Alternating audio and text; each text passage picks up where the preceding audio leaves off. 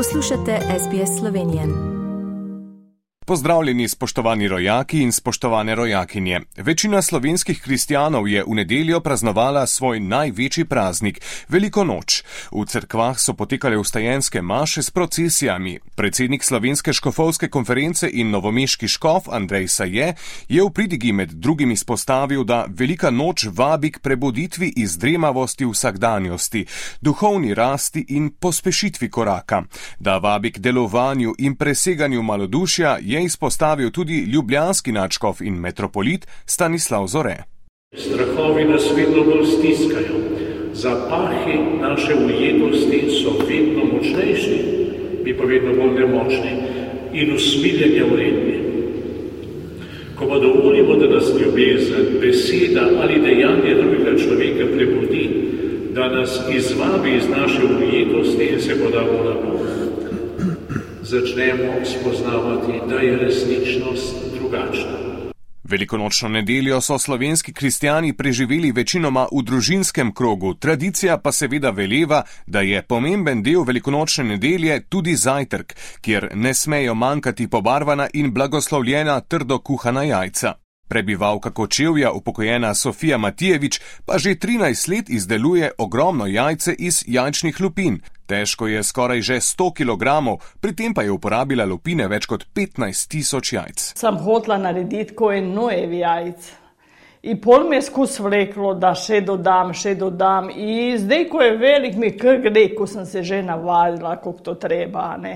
Zaradi velikonočnih praznikov nekoliko krajši teden je vseeno poskrbel za presenečenja na političnem področju. Poslanska skupina Gibanja Svoboda je vložila zakonski predlog, ki predvideva preoblikovanje dopolnilnega zdravstvenega zavarovanja v nov obvezni prispevek. Gre za prelomno odločitev, saj se ukinitev tega za financiranje javne zdravstvene oskrbe pomembnega zavarovanja napoveduje že skoraj 30 let. Zdaj naj bi ta denar na mesto komercialnih zavarovalnic pobirala država, vladajoča politika pa obljublja, da se bo s tem prihranilo okoli 50 milijonov evrov več letno, ki se jih bo lahko namenilo neposredno slovenskim pacijentom. Izjava predsednika vlade Roberta Goloba. Preprečili bomo podražitve nobenih podražitev več. In drugi cilj je, ne bo več nobenih privatnih dobičkov iz naslova zdravstvenih zavarovanj. Preteklo nedeljo je snežni plas pod vrhom 2330 metrov visoke male mojstrovke odnesel pet planincev, dva sta se mu izognila.